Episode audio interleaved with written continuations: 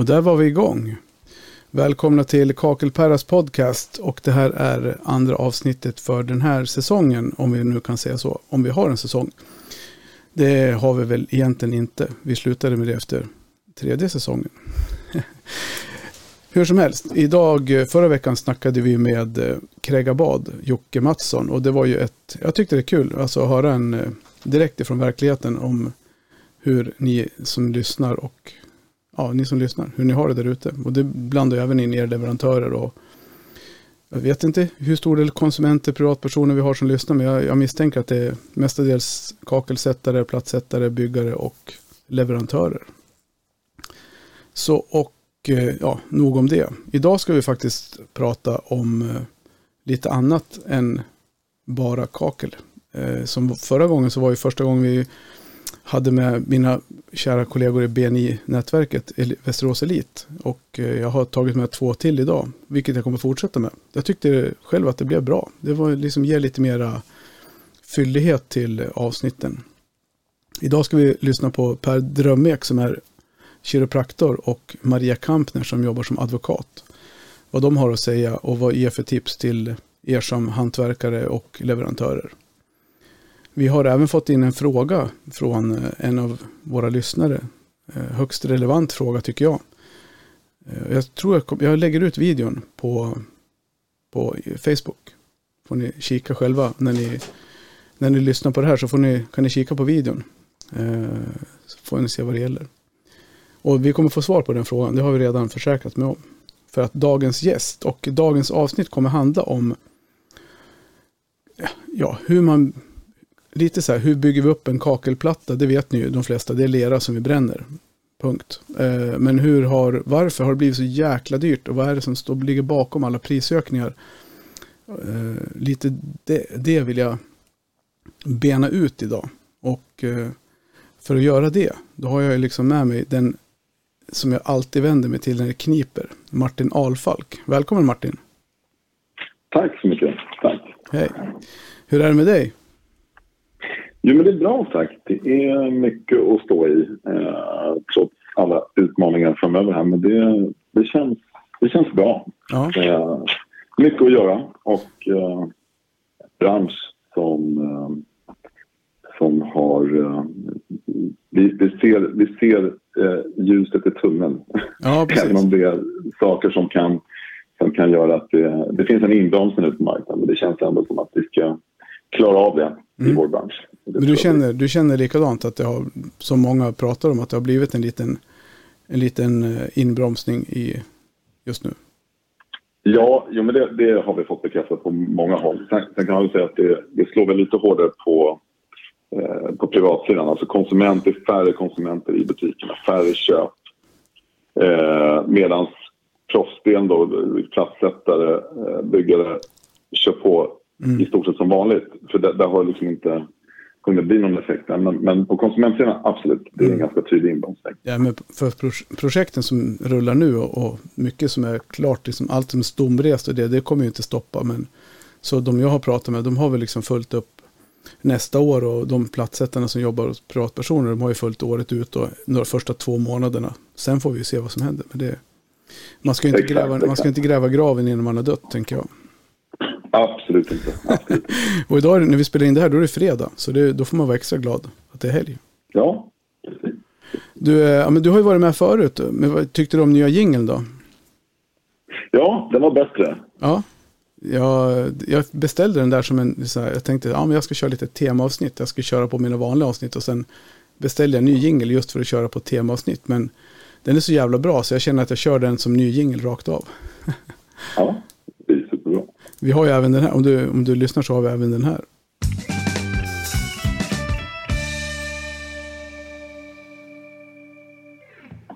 Den är också skön. Ny variant på den. Ja, det var en ny variant. Ja, jo, men han klipper ihop då den och så har vi den, även den här. Och lägga in mellan, mellan olika partier. Så det är schysst. Ja, bra. Eh, ja, men varför har jag med dig tror du då? Det vet du ju redan, men jag tänker mer så här. Ja, du hörde vad jag sa innan. Ja, exakt. Eh, lite det här med... ja, men... ja, vi ska ju prata lite om gaspriser och krigets inverkan och marknad, situationen på marknaden. Överlag, situationen på marknaden, krigets mm. inverkan på, på kakel och kling, alltså keramiktillverkningen tänker jag. Det, var, det är ju mer det som är Egentligen så handlar det inte om exakt en komponent som påverkar utan det är hur har kriget påverkat hela produktionskedjan. Det är väl det som är intressant. Så vad, vad, hur, hur tänker du där? Vad har du fått framför tankar och uppgifter där? Ja, nej men om, man, det, det, om man ska koka ner det lite grann så det pratas väldigt mycket om gaspriserna och mm. uh, det är ju en del av det. Alltså kriget i Ukraina uh, har ju påverkats på många plan. Om vi, om vi börjar med gaspriserna så, så vet vi alla, det har alla läst i media om, om uh, det här med gasen från Ryssland och, och Nord Stream och allting och, och vad det innebär att gaspriserna har gått upp rejält. Och vi pratar alltså i, i vår bransch om en när det var, nu har tack och lov så har faktiskt gaspriserna gått ner nu. Eh, men när det var som värst i augusti-september tror jag det var som värst. Eh, då pratade vi om en, en, eh, alltså en, en höjning med tio gånger eh, det tidigare priset.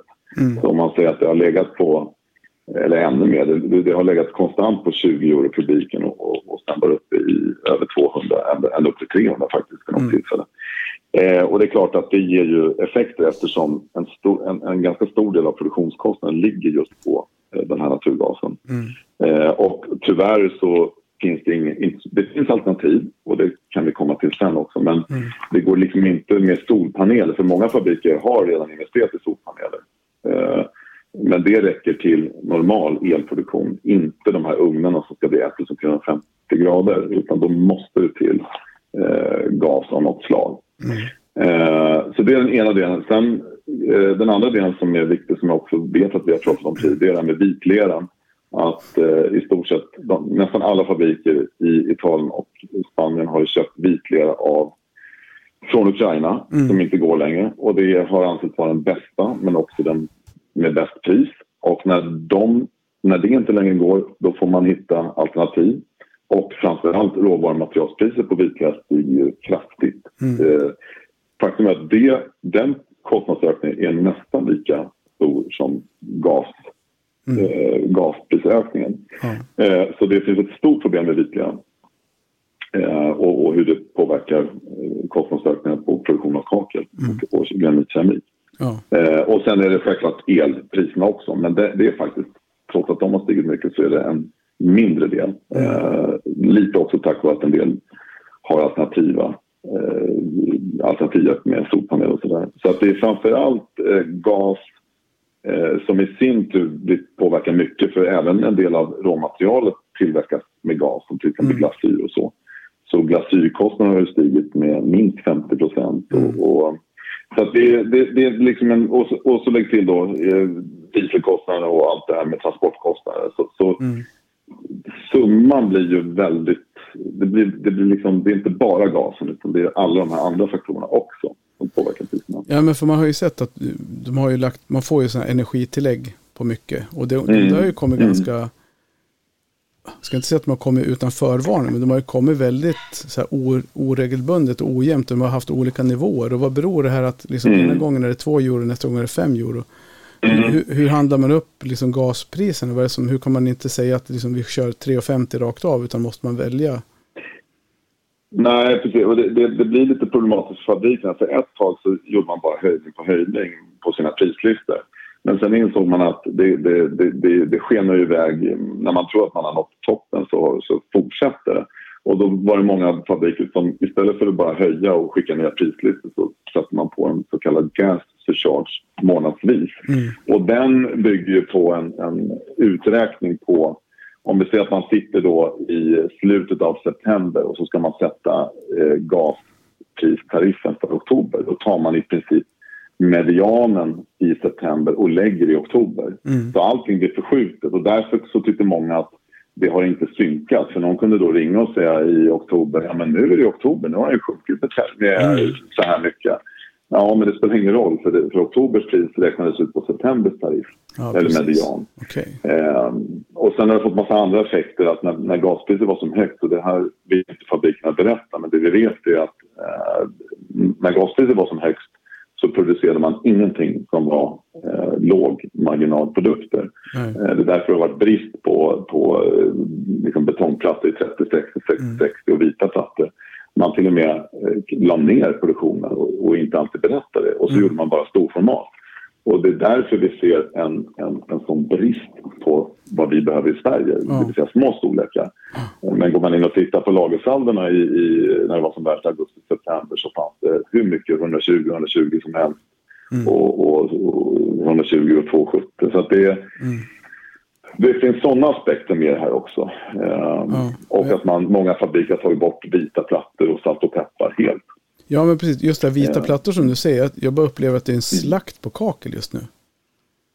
Alltså det är en slakt ja, på kakelserie. Ja, vad menar du med slakt? Ja, men slakt på kakelserie. Alltså, många, de, vi handlar med några italienska fabriker och som, de har ju typ så här behållit tre kakelserier av, av tolv. Resten har de bara skippat. För att, jag antar att det är för att det är för dyrt att producera. Jag ingen, ser ingen annan anledning. Ja, ja, men det är lite som vi, vi ser procentuellt vad en vit platta kostade eh, för ett år sedan och vad den kostar idag. Så är det ju, om, om vi säger att granitkeramik har gått upp med 25 någonstans 35, men vi säger 35, jag skulle säga minst 35 procent mm. på de flesta fabriker. Så är det ju dubbla pengen på vitt idag. Mm. Därför att man måste ju komma ihåg att det fortfarande det står ju så mycket hårdare på en, en och det gäller även billiga granitkemikplattor också. Det slår så oerhört mycket hårdare när du får ett mm. kvadratmeters tillägg eh, på en låg marginalprodukt som kostar, alltså det blir ju mycket större. Ja, ja precis. Ja, procentuellt, ja, det blir nästan 100 procent ja. på vissa serier, det blir 200 procent på vissa serier. Ja, och, och, den typen av varor kan fabriken inte, alltså det går inte att sälja en salt och peppar eh, för en, den pengen de har behövt och, där, och därför har man helt enkelt inte kunnat mm. eh, prioritera det. Så må, många fabriker har tagit bort salt och peppar och många, det är flera som har stängt ner, i alla fall tillfälligt, eh, mm. till exempel vita väggplattor. Mm. Eh, så det finns sån, det, det, är också någonting som, som, men, som vi märker tydligt i vår bransch. Men förklara, just det där också, det, det var ju som, det är kanske inte alla som tänker på det, men just vad är det som är skillnaden på en granitkemik och en kakelplatta då, som gör att det blir dyrare med en kakelplatta. Om man inte vet det redan så kan det vara bra att bara säga det. Ja, egentligen så är det ju inte det eftersom du får ut mer kvadratmeter per minut om vi säger så när du producerar. Dels för att dels är inte energiåtgången lika hög. Du, har, du bränner ju, jag menar, temperaturen på kakelplatta kan ju vara kanske eh, runt säger, 800 grader. Det kan mm. vara lite olika beroende på fabrik. Medan du har 1250 grader på granitkeramik. Eh, och, och, och, tiden i ugnen är väl också lite, går lite snabbare. Men, men det är ju... Eh, å andra sidan så är det ju det här, vi är tillbaka till det här med vad kostar en vit väggplatta jämfört med granitkeramik. Eh, det är ganska stor skillnad. Och, och, när du då får ett påslag på, eh, om vi räknar om det i konsumentpris nu då, eh, om vi säger att du har ett påslag på eh, som motsvarar 120 kronor kvadraten eh, så slår det naturligtvis på konsumentpriser då, så slår det hårdare på en vit väggplatta mm. eh, än på en granitkeramik. Så att det, eh, egentligen så är det, det är mer, jag skulle nog säga det, det, det slår väldigt mycket hårdare på lågmarginalprodukter. Mm. Eh, jag tänker, kakel, bränner man inte kaklet två gånger också?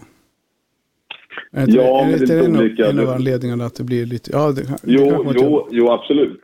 Absolut, men det, det, det finns det finns ju olika, olika fabriker och olika, men, men absolut, mm. det, är ju, det är ju en av anledningarna om du har, det är oftast premium premium väggkakor så att säga. Mm. Uh, så, men, men uh, så är det. Uh, så det, det, kan också vara ja, Så de billigare, de billigare, många de billigare kakelplattorna kör man bara en gång då liksom?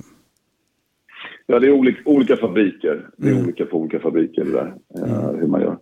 Så egentligen det som har påverkat kakelpriserna mest det är det här energitillägget eller själva kostnaden på energin. Det är den, för att man bränner den på lägre temperatur gör ju också att det tar ut en del av, av alltså skillnaden mellan, mot granitkeramiken. Då.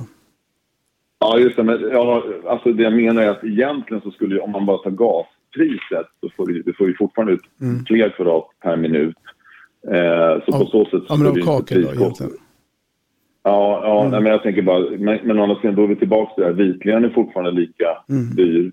Eh, om, eh, så att, då, då har du ju eh, elkostnaden, glasyrkostnaden. Så det, mm. Sammantaget så, så, så har det slagit mycket hårdare på de här lågmarginalprodukterna eftersom mm. det, det, det blir procentuellt mycket, mycket dyrare ja, mot tidigare. Ja, det, ja, precis. Så, och sen har vi ju emballaget har ju också gått upp. Det är också en sån här sak som är helt konstig. Som Europallar, vad, vad, hur, det kanske inte du vet, för du säljer inte Europallar, men alltså, de har ju gått upp, de har ju gått upp med 100 procent. Ja, det är 100 procent. Lådor 42 procent, plast 60 procent. Så det, var ja. liksom, det är ju... Det är ju det är så, det är så mycket, det, det är liksom allting har blivit dyrare och, mm. och trä, trä är ju värst egentligen med 100 procent. Det är helt, helt mm. otroligt egentligen. Men det har inte så mycket, vad har det med kriget att göra? Är det för att man det importerar så mycket trä från Ryssland och Ukraina eller är det det, har, det där har inte jag... Det, det, kan, det kan inte jag svara på faktiskt. Uh, men förmodligen är det en, en kedjeeffekt av, av uh, precis som det här med gasen och alltså, om vi bara tar naturgasen återigen mm. så påverkar det produktion av många saker. När man producerar de här glasyrerna så har man ju gas också och då är det klart att när, när deras gas blir dyrare så blir ju glasyren dyrare. Så det, mm. det, jag, jag, kan tänka mig att en sån effekt, eller också är det som du säger, kanske är kopplat till just Ryssland och Ukraina. Mm. Eh, stoppar de sina, sin export så blir det så trissas priserna upp överlag. Men jag, mm. jag vågar inte svara på det. Nej, nej, precis. nej det begär jag inte heller. Jag tänkte, du började säga i, tidigare det att eh, alternativen på gasen då, hur, för nu känns det som att man liksom börjar få signaler på att ja, men nu har gassituationen stabiliserats och lite grann så här att man mm. kanske inte sänker priserna igen men man kommer åtminstone inte mm. höja dem jättemycket till och gastilläggen kommer plockas bort i vissa situationer sådär. Men, men alltså vad är det som, vad har man för alternativ? Vad har man, vad har man valt för alternativ? Ja, det finns alltså, det, det, det, det man inte, fabrikerna vill inte hamna i det här än att man står helt beroende av en källa. Mm. det gäller ju både, och det gäller inte bara gasen, det gäller ju även vitlera. Att man försöker hela tiden se, eh, se sig runt om hur kan vi eh, optimera så att, så att vi liksom inte hamnar i den här situationen att, att vi måste trissa upp priserna och det blir helt skenar iväg hur som helst. Så det är många fabriker nu som tittar på att eh, hitta andra gaskällor som till exempel propan, alltså vi, vi, kan, vi kan kalla det för gasol egentligen. Mm. Eh, och det är ju för att man vill kunna vara förberedd. Eh, man får ju ställa om helt, man måste dra nya rör och, och nya tankar och allting. Mm. Men många gör det för att av ren, så att säga, att man vill vara bättre förberedd. Och, och framför allt är det så att den ena sticker i pris och inte den andra, då, väx, då kan man växla. Ja, eh, så, så det är flera fabriker som, som eh, redan har, eller kommer, kommer ha i början på året, vet jag, mm. eh, alternativa eh, möjligheter för att just optimera liksom, att produktionskostnaden inte ska skena iväg. Eh, och sen är det här med, med om man tar med vitlera. Nu har ju Spanien hade ju stängt sin vitlereproduktion. Mm men öppnade den som en krisåtgärd. Okay. Eh, så nu, nu är det flera fabriker som faktiskt köper vitlön eh, internt i Spanien. Mm. Så där har liksom regeringen gått in och öppnat upp för att hjälpa fabrikerna mm. eh, när de, i och med att de priserna skenade iväg. Så det, det är flera saker som, som ser mer positivt ut framöver. Mm. Än, ja, men precis. Och likadant hade väl italienarna öppnat upp. Det var inte de som ägde plattformarna i Adriatiska havet, där de här gasplattformarna som de det täcker ju inte så mycket som de behöver ha, men de håller på att öppna upp dem som ska kunna få upp sin egen gas. Nu när priserna har blivit så höga så var det bättre lönsamhet. Ja, men det kan nog stämma. Jag, jag, har, jag är inte helt... Jag har inte all fakta kring det. Men Nej, jag, något, jag något frågade några mm. agenter tidigare.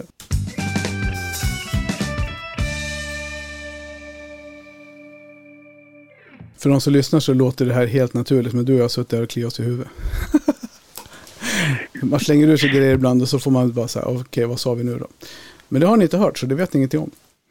Du, men som, vi, som du inte har hört Martin, men som de som lyssnade på förra avsnittet har hört.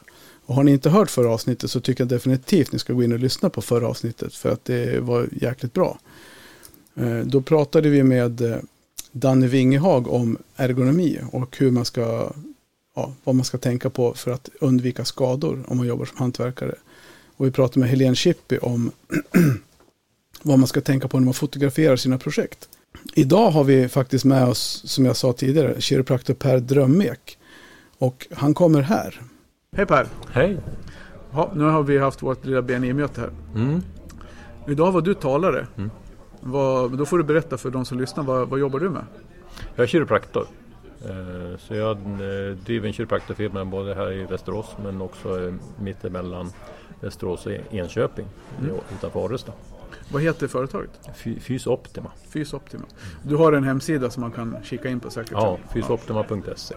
Så när, sen kommer de vallfärda från hela Sverige till dig sen, när du har berättat hur duktig du är? Jag menar det. Eller om jag berättar hur duktig du är. Ja, ja. Men de som lyssnar på det här är ju, många av dem är hantverkare och, och, och en del är inte hantverkare, de sitter still. De har varit hantverkare, nu jobbar de som säljare eller chefer eller någonting och sitter still mycket. Mm. Om man tar det där, båda två där, vad, har du, vad skulle du som kiropraktor komma med? Om du får ge något råd till dem hur de ska ta hand om sina kroppar? Hur de ska ta hand om sina kroppar? Eh, förebygg innan du får skada. Mm.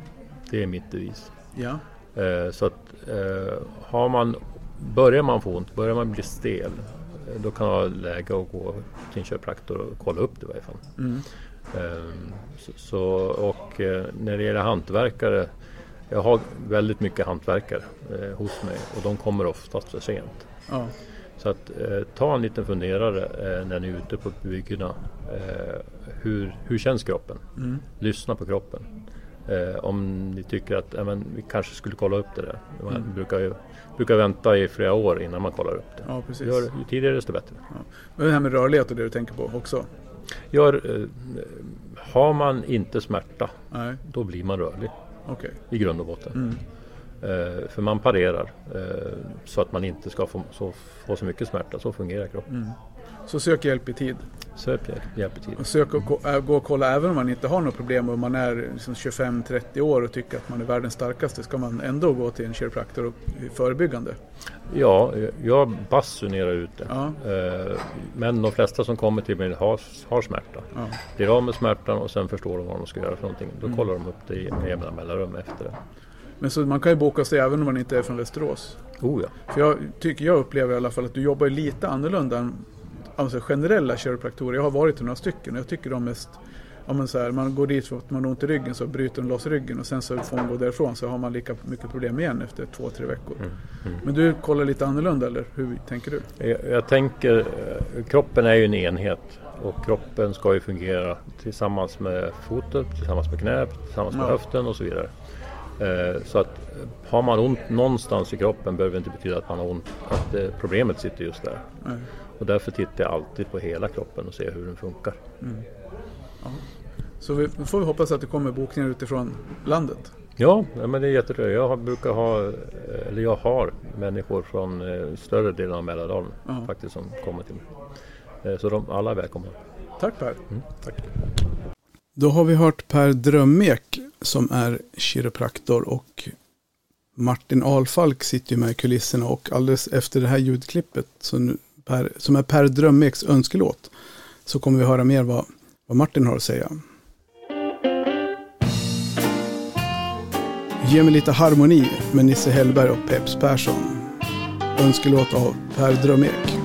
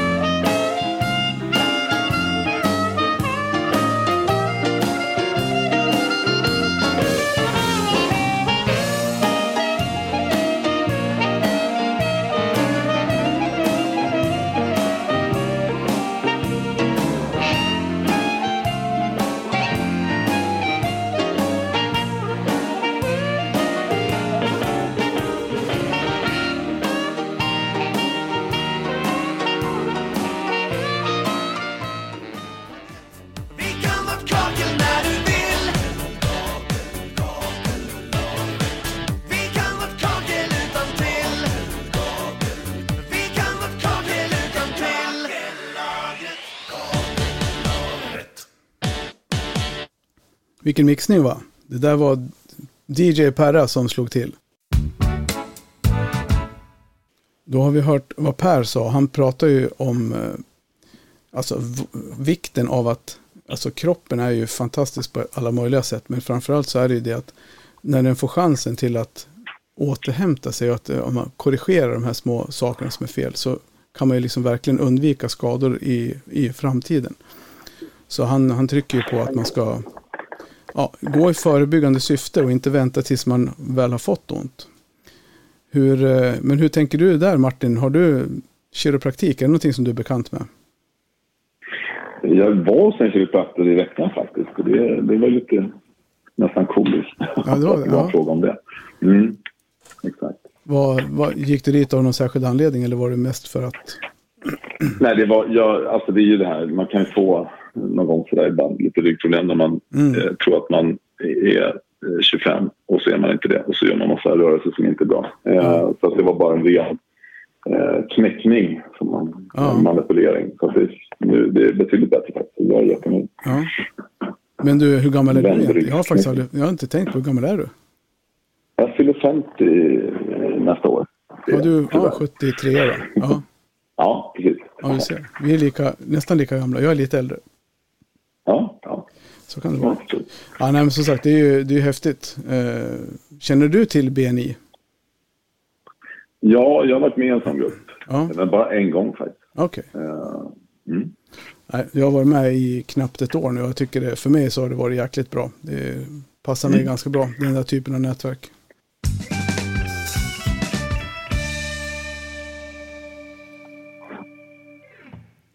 Då tänker jag att vi tar den här frågan som jag fick in från en lyssnare. Och det är en platssättare som har skickat in en video eh, och frågar, ska det vara så här? Och han har, fick en, en, hans kund har köpt kakel, ett grönt, snyggt, engelsk, ja typ de här engelska British, jag vet inte vad de heter, British style eh, och eh, British Green tror jag de heter. Eh, och eh, lägger upp, plockar upp plattorna på bänkskivan och när han står där så börjar det knäppa och poppa i plattorna. Så han skickar en video till mig och bara shit du Perra, du som kan mycket om kakel. Ska det vara så här? Och jag lyssnade på videon och så drog jag mig till minnes en gång när vi hade en ja, reklamation inom citationstecken. För det var ju egentligen ingen reklamation men det blev det blev det för kunden ville inte ha det så. Så vi fick ersätta med nytt kakel och leverantören som vi hade då stod för det. För de hade inte informerat om det här. Efter den här reklamationen så ändrade de i sin katalog och sin beskrivning och skrev in, skrev in en passus om just den här plattan. Så, men kan du förklara Martin, för det här var ju en grön, här, jag brukar kalla för engelsk tekoppsgrön. Du vet, du vet vilken platta för du har sett mm. Mm. Och du, jag gav dig det här igår, så du har ju hunnit kolla upp det där lite grann. Va, vad är det som händer? Varför blir det så? Och händer det med, är det vanligt, är det normalt eller vad, vad säger man? Ja, om vi börjar så här. Vi, eh, det finns vissa glasyrer och vissa, vissa färger som innehåller koppar och en, en större mängd koppar. Eh, framförallt den här riktigt starka British Green-gröna färgen men även eh, ockrafärgade kan det vara. Eh, det är alltså vissa typer av, oftast väldigt starka färger. Eh, måste du ha en större mängd koppar i glasyren. Och om du eh, lägger på glasyr på en kakelplatta eh, som bränns då i en lägre temperatur än granitkeramik så, så kan du få den effekten. Eller du, du, många gånger får du den problematiken. Sen beror det väldigt mycket på mängden koppar. Så att om du mm. tar en, en enklare British Green eh, som inte är lika, riktigt lika starkt eh, mm. grön eh, så brukar jag inte då, brukar inte få den problematiken. Men, men eh, i det här fallet så är den ju verkligen så där riktigt stark och då innehåller den större mängd koppar. Och producerar den på, en, eh, på väggkakelbasis med lägre temperatur då, då, då får du räkna med att den mm. Eh, kan kalkylera i efterhand och det, kommer, ja. det kan liksom bli en, över tid. Ja. Eh, oftast självklart när du börjar röra i material för det blir, blir ännu mer spänning i etappen då, men, men det kan liksom komma eftersättning, förutsättning eh, och i olika, det spricker liksom konstant lite här och var i mm. Och då ska man helst också behandla så att du inte får in problemet är att när, när glasyren krackelerar så kommer det in innanför och då kan du liksom få missfärgningar som går rakt in i plattan. Precis. Det du bör ju behandla den då. Det var det som hände för vår del. Att de satte upp plattorna på väggen och sen så sprack de på väggen och sen när de fogade så fastnade mm. fogen i sprickorna så det blev liksom vit, ja, ja. ljusa ränder på hela väggen så det såg inte klokt ut. Ja, jag fattar. Ja, det blir inte bra. Nej, men det, det, det hände bara mig veterligen på väggkakel. Mm. Så när det bränner 1250 grader så, så blir det mer stabil. Och, och, så vill man ha, vill, man, man bör kontakta sin leverantör för att säkerställa att man inte köper plattor som efterkrackelerar mm. om man inte vill ha det. Ja, men för i det här fallet så um, följde det med en, dessutom i det här fallet så följde det med en beskrivning på hur man skulle hantera plattorna. Vilket var ja, okay, väldigt bra. bra. Eh, så den här plattsättaren, mm. det slutade med att han skickade bilden till mig. Och jag drog det här exemplet som jag hade varit med om. Och hänvisade honom till att ja, kontakta butiken och prata med dem. För det är de som vet bäst hur du ska hantera den här plattan. Och då visade det sig att de hade fått med, låg ihopvikt i en av kartongerna, så låg det en monteringsanvisning hur man skulle gå tillväga för att eh, plattan ska hålla sig fin och bli fin efter att man har fogat, innan man fogar och efter att man har fogat. Så det är alltså, man ska behandla den här plattan med, med en eh, impregnering och fläckskyddsmedel som gör att den liksom, och fogen också eh, efteråt, så att den liksom inte kan suga in massa smuts i, som kan missfärga plattan då. Så det blev lite mer extrajobb, men de fick sitt fina gröna kök. Och det var ju tur det. Ja. Tänker jag. Så, ja, nej, men, ja, men det, du, hade det var ju du, bra. Är det någonting som eh, du stöter på oftast, den här typen av frågor? Nej, inte just den eh, kan jag påstå. Utan mer, mer den här att när du köper, oftast köper du en, en väggplatta som oftast heter de krack eller beige. Mm. Och då är det ju en en platta som från grunden är krackelerad. Och då bör man ju vara jätte, alltså man måste vara jättetydlig mot kunden att, att den ska behandlas så att du inte mm. får det här problemet att, att du bara fogar på och så lägger sig fogmassan in under och blir jätte, liksom, det blir som en missfärgad. All krackelering blir ju liksom jätteförstärkt. Det blir som mm. ett eh, spindelnätsmönster som, som, som blir för starkt i kontrast. Så att, eh, det handlar mer om, om att informera kunden. Eh, men då är det, för det är det ju vanligare att man väljer en krackelerad glasyr. Mm. Det är inte lika vanligt att, att man köper en icke krackelerad platta som sen efter. Men det, det, det, blir, Nej, det kan bli så på vissa. Färg. Och oftast är det, det finns några färger till. Jag, jag tror att det är någon slags Koppar har man oftast också även på väldigt mörkbruna plattor kan det vara också. Mm. Men det är bara mig på vägg, alltså väggplattor mm. och inte granitkeramik. Ja, men det är, det är intressant. Intressant verkligen. Du, vi går vidare. Jag tänker vi skulle ta på, när vi ändå är inne på det så tar vi eh, och lyssnar på den andra intervjun från BNI där vi har pratat med en advokat. Har du någon erfarenhet av advokater Martin? Så här på förhand bara. Nej, faktiskt inte. Och det ska man väl vara glad för. Ja. ja. eh, inte vad jag kan komma på. Det finns ju lite man har ju hört lite om, om, några case i vår bransch. Eh, mm. så, men, men jag har, inte, jag har inget, nej, inget, inget själv. Men jag tänker på det till nästa på. avsnitt. Har du någon fråga till någon advokat eller du har inga sådana funderingar kanske? Nej, då måste jag nog fundera lite, lite mer i förväg. Jag kan inte ja. komma på någon specifik bra fråga. Nej. Men eh, då får vi ta det i efterhand i så fall. Om man Vi hör vad Maria har att säga. Då sa, sa jag precis nästa man till rakning fast det är ingen man jag har framför mig. Det är det inte. Nej, Nej. det är Maria. Hej Maria. Hej. Eh, och du har suttit bredvid och lyssnat nu. Vad, har du varit i Per? Jag har inte varit i Per men jag skulle nog faktiskt behöva gå ja. till Per. Och eh, jag hörde ju här på BNI-mötet hur många som rekommenderar dig. Ja. Inte bara att du har eh, berättat om din verksamhet utan det är väldigt, väldigt många som rekommenderar. Ja. Och framhåller hur duktig Per är. Ja, det, jag har ju varit några gånger för diverse krämpor. Jag halkade omkull för några veckor sedan och slog i axeln. Så jag kommer behöva boka till besök. Men det är också det, är det som är så fascinerande, just det här med rörlighetskontrollen och, och att han inte bara, nu sitter han här bredvid så mm. att han inte bara liksom behandlar det akuta.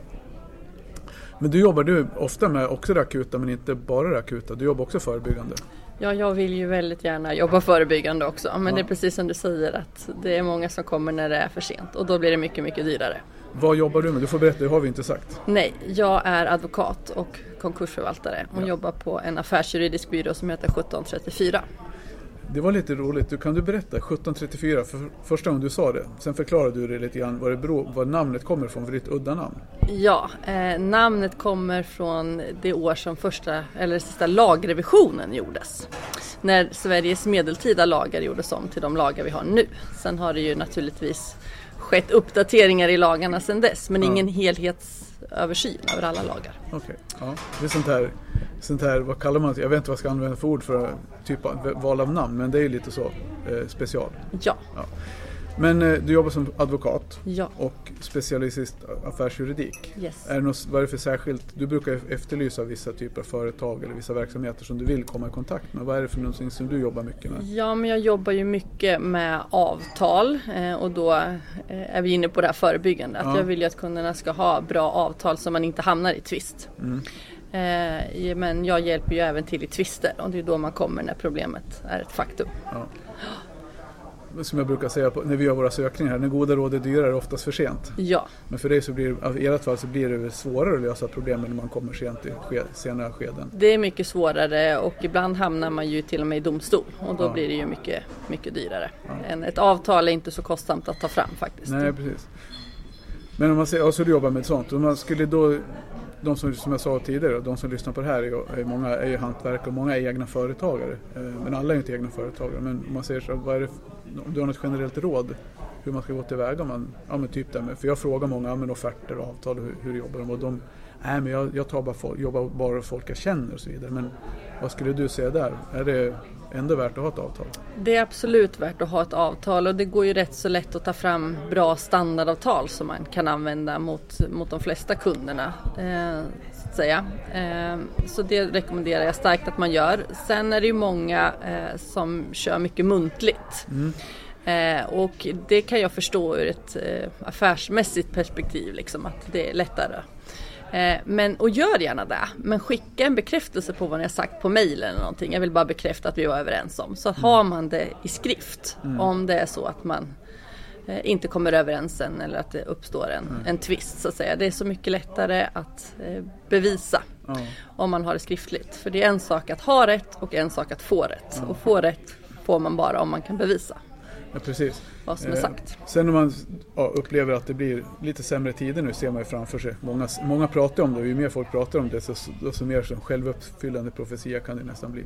Men jag tänker på om folk får jobbigt att betala eller får jobbigt, svårt att få in betalt. Liksom, hur, ska man, hur ska man tänka där? Framförallt kanske man får jobbigt att betala själv. Är det något särskilt man ska tänka på? Eh, ja, alltså nu när det blir allt eh, tuffare tider och företag går i konkurs så skulle jag framförallt rekommendera att man inte, om man inte behöver, betala en massa i förskott. Eh, därför har du betalat en massa i förskott och inte fått eh, leveranser, om det så är varor eller tjänster, eh, som motsvarar det, så kommer det brinna inne egentligen i en konkurs. Ja. Eh, sen om det är så att man själv har betalningsproblem eh, så är väl mitt råd att man försöker bromsa i tid. Man måste se över mm. vad man har för utgifter naturligtvis och mm. eh, inkomster. Mm. Eh, men att man bromsar i tid. Det är många som drar det alldeles för långt och man har ju ett personligt betalningsansvar mm. Eh, i vissa lägen även om man driver ett aktiebolag. Du har till exempel alltid eh, personligt betalningsansvar för de skatter som är förfallna. Ja. Så har man problem så prioritera att betala skatterna så att mm. ni inte eh, åker på det personligt. Ja, precis. Ja, det är bättre att göra en deal med en leverantör och få återkomma som kunden och försöka göra en deal med skattemyndigheten. Absolut. De är svårförhandlade. Yes. Ja men jättebra. Du, vi får nog kanske anledning att återkomma till, till dig under, eh, mera längre fram. Det är ni så välkomna att göra så. Ja, ja. Kanon, tack. Tack.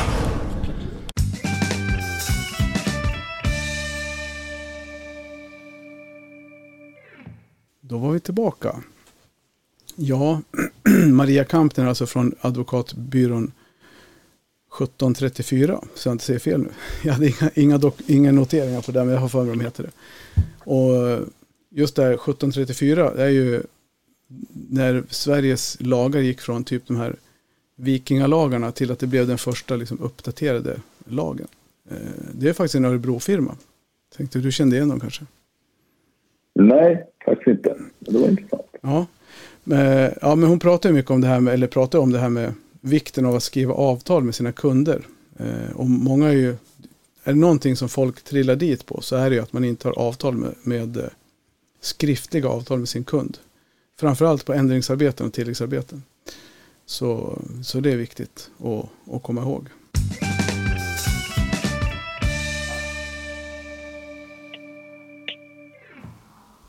Dennis, min trogna lyssnare, en av mina mest trogna lyssnare. Han, har, han hade ingen fråga att skicka in idag till podden. Det är inte han som har frågat om det gröna kaklet. Men däremot så frågade jag honom om han hade någon önskelåt.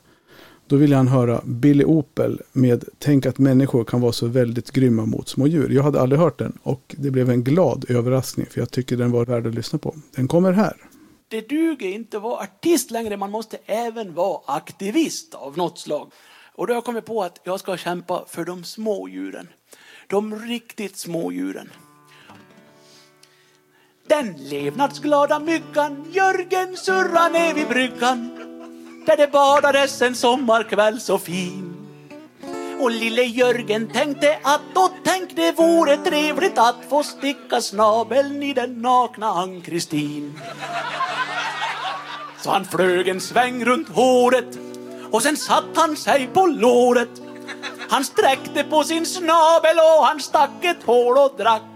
Men han var inte uppmärksam. Och det var en aggressiv madam. Så det sista Jörgen hörde var ett smack. Stackars liten, vilket öde det var elakt, eller hur? Tänk att människor kan vara så väldigt grymma mot smådjur. Och spyflugan Birgitta, tänk hon älskade att sitta på maträtter av allehanda slag.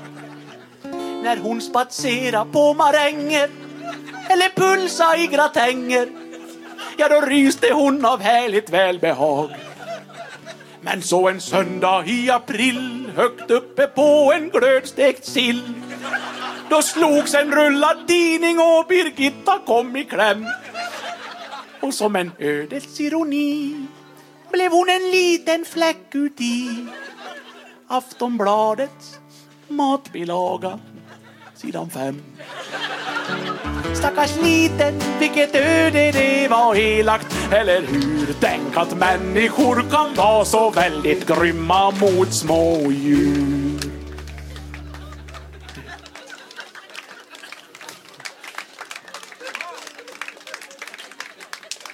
Lilla flatlusen Filippa. Satt i Kalmar på en snippa. Med 40 små kamrater i en rad. De flyttade in där i snippskogen. Förra lördagen efter krogen. Från en herre på besök från Medelpad. Och lössen skrattade och lekte. När värdinnan plötsligt smekte. Hela skogen full med salva av en väldigt otäck sort, en sort som släcker livets lågor. Och Filippa dog i plågor. Hennes glada tid på jorden blev så kort.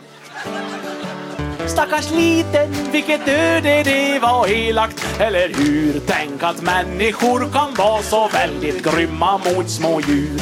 Tänk att människor kan vara så väldigt grymma mot små djur. Ja, det var Billy Opel med Tänk att människor kan vara så väldigt grymma mot små djur. Ja, tack för, tack för det. Och nu kommer det ut snack. Så där, då... Det är den här jag ska lägga in. Ja, men då var dagens avsnitt fulländat. Och fredagskvällen kan ta sin början, eller vad säger du Martin? Absolut. Vad blir det för kul ikväll? Vad händer? Ja, det är en bra fråga. Jag vet jag knappt själv. Jag ska äta middag. Det ja, vet jag. Absolut. Vad blir det för gott? Eh, ja, det blir ju tacos naturligtvis. Ja, du är... Ja, okej. Ja, vi har faktiskt ätit mer tacos i år än vad vi har gjort kanske på fem år sammanlagt förut. Av någon anledning. Vi är inte alls några fredagstacomänniskor egentligen. Men har du, provat, okay. har du provat vegetariska tacos? Eh, en gång. Ja, var det bra? Det var bättre än jag trodde, men det är inget som jag har lyckats Nej. bevara. Vi, kör, vi körde med champinjoner och gröna linser. Det blev så jäkla gott alltså. Blev det. Så jag tror faktiskt att jag ska lägga ut, jag ska lägga ut receptet. Ja. ja, absolut. Ja, sen har vi fått, nu när ni, hör, när ni hör det här, då har ni redan hört önskelåtarna. I alla fall den första. Så jag tänker att jag, jag och den andra med. Så det var väl ingen mening att säga det. Men vi hade två önskelåtar idag. så är det. Så när du, du får lyssna på avsnittet för att höra önskelåtarna helt enkelt. Absolut. När kommer det ut? Eh, jag tror det är när du, jag tror jag släpper det på lördag, imorgon bitti.